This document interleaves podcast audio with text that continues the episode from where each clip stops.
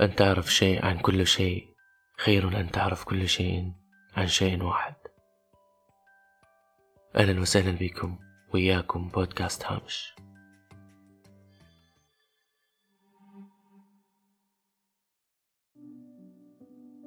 طبيعة الإنسان بفطرته كائن فضولي يحب معرفة المجهول مثل أي لغز أو مسألة أو قضية ما مجهولة.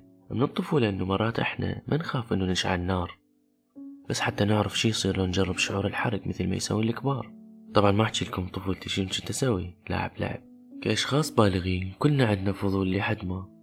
تجاه أشخاص نحبهم نهتم لوجودهم نسأل إلى آخره. أما الفضول لو توجه تجاه الأمور اللي ما تخص الشخص أقصد يريد يعرف شي يمكن تجيك منه دقة ناقصة بعدها. وهالشي ما يسوي بس اللي عقله فارغ واللي ما يعرف شي يسوي بحياته. بالحقيقة مو هذا موضوعي. بس لابد أذكر الجانب السلبي من الفضول حتى ما نكون مثاليين بحديثنا. هنا الفضول راح يكون تجاه الأشياء والفنون والمعرفة بأنواعها وأشكالها.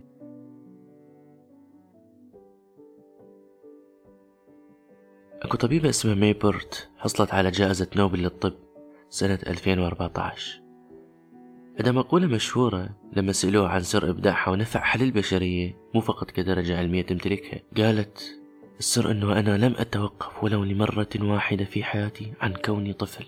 الجواب عظيم جدا. يمكن اللي سمع أول مرة ما راح يفهمه بشكل دقيق.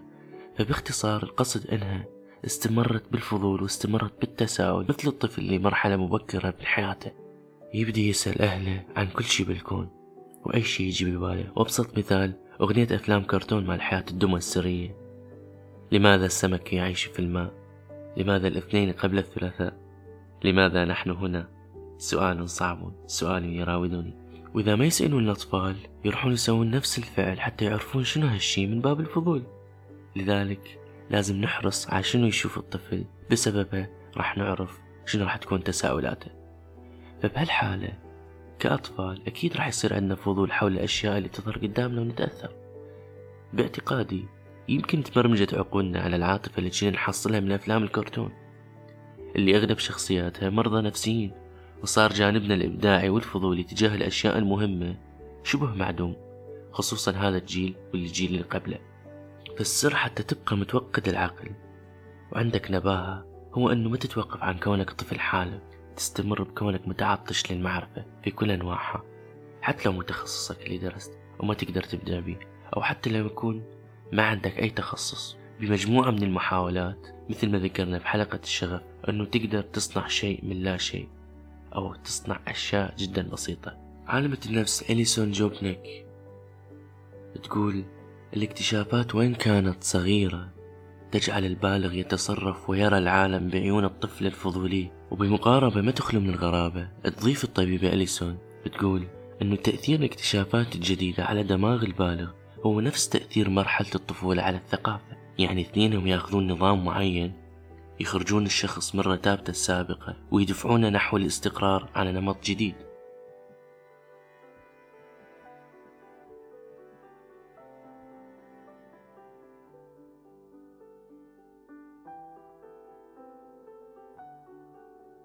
برأيي الشخصي الشاعرية والخيال هي من تمنح الشخص الإلهام لحتى يطرح الأسئلة بكل فضول. وحتى ممكن يجاوب عليها فجأة أو تجي حلول دون تخطيط مسبق. الفضول تجاه الاكتشافات الجديدة بحياتك مو شرط ممكن يكون فد شي عظيم. يمكن يكون تغيرك لطريقة تفكيرك للأفضل تغير طريقة وعيك للأفضل هو بحد ذاته إنجاز. التحرر من سجن الأفكار المسمومة تدريجيا بحد ذاته إنجاز أيضا. التعدد بالمعرفة هو اللي يصنع خيال طفل حالم. هو اللي يخلينا نبقى فضولين تجاه كل الأشياء حتى اللي ممكن كنا نكرهها أو حتى الأمور اللي كنا قافلين إنه نفكر بيها. أشبه الأمر مثل الحلقة كل شي متصل بشي لغاية ما تكون متقن لأكثر شي تحبه. بس لازم هنا نبتعد عن العشوائية يعني إنه تريد بسرعة تنجز أكثر من شي نفس الوقت؟ هالشي يخلي عندك تشتت. وما تعرف شنو تسوي يمكن تمل وتترك كل شي. للمعلومة بس كل الأشياء والاهتمامات اللي عرفتها بحياتي هي أحيانا ما تغير الحياة إنما تعطي عزاء للحياة وهذا العزاء هو اللي يخلينا نستمر رغم كل شي. رغم الفقد رغم الخسارات رغم الأقدار الغير متوقعة رغم أنه وقفنا بمكاننا. يمكن لفترة طويلة من الزمن ننتظر حدوث شيء ما أنه يكون باكر يوم أجمل. وإن شاء الله يكون أجمل بعد الاستمرار والسعي. ربما يكون هناك عندنا هدف واضح. بالختام المتصوف شمس الدين التبريزي يقول الحياة لأولئك الذين حافظوا على طفولتهم ولم يرضخوا يوما لمنطق الكبار.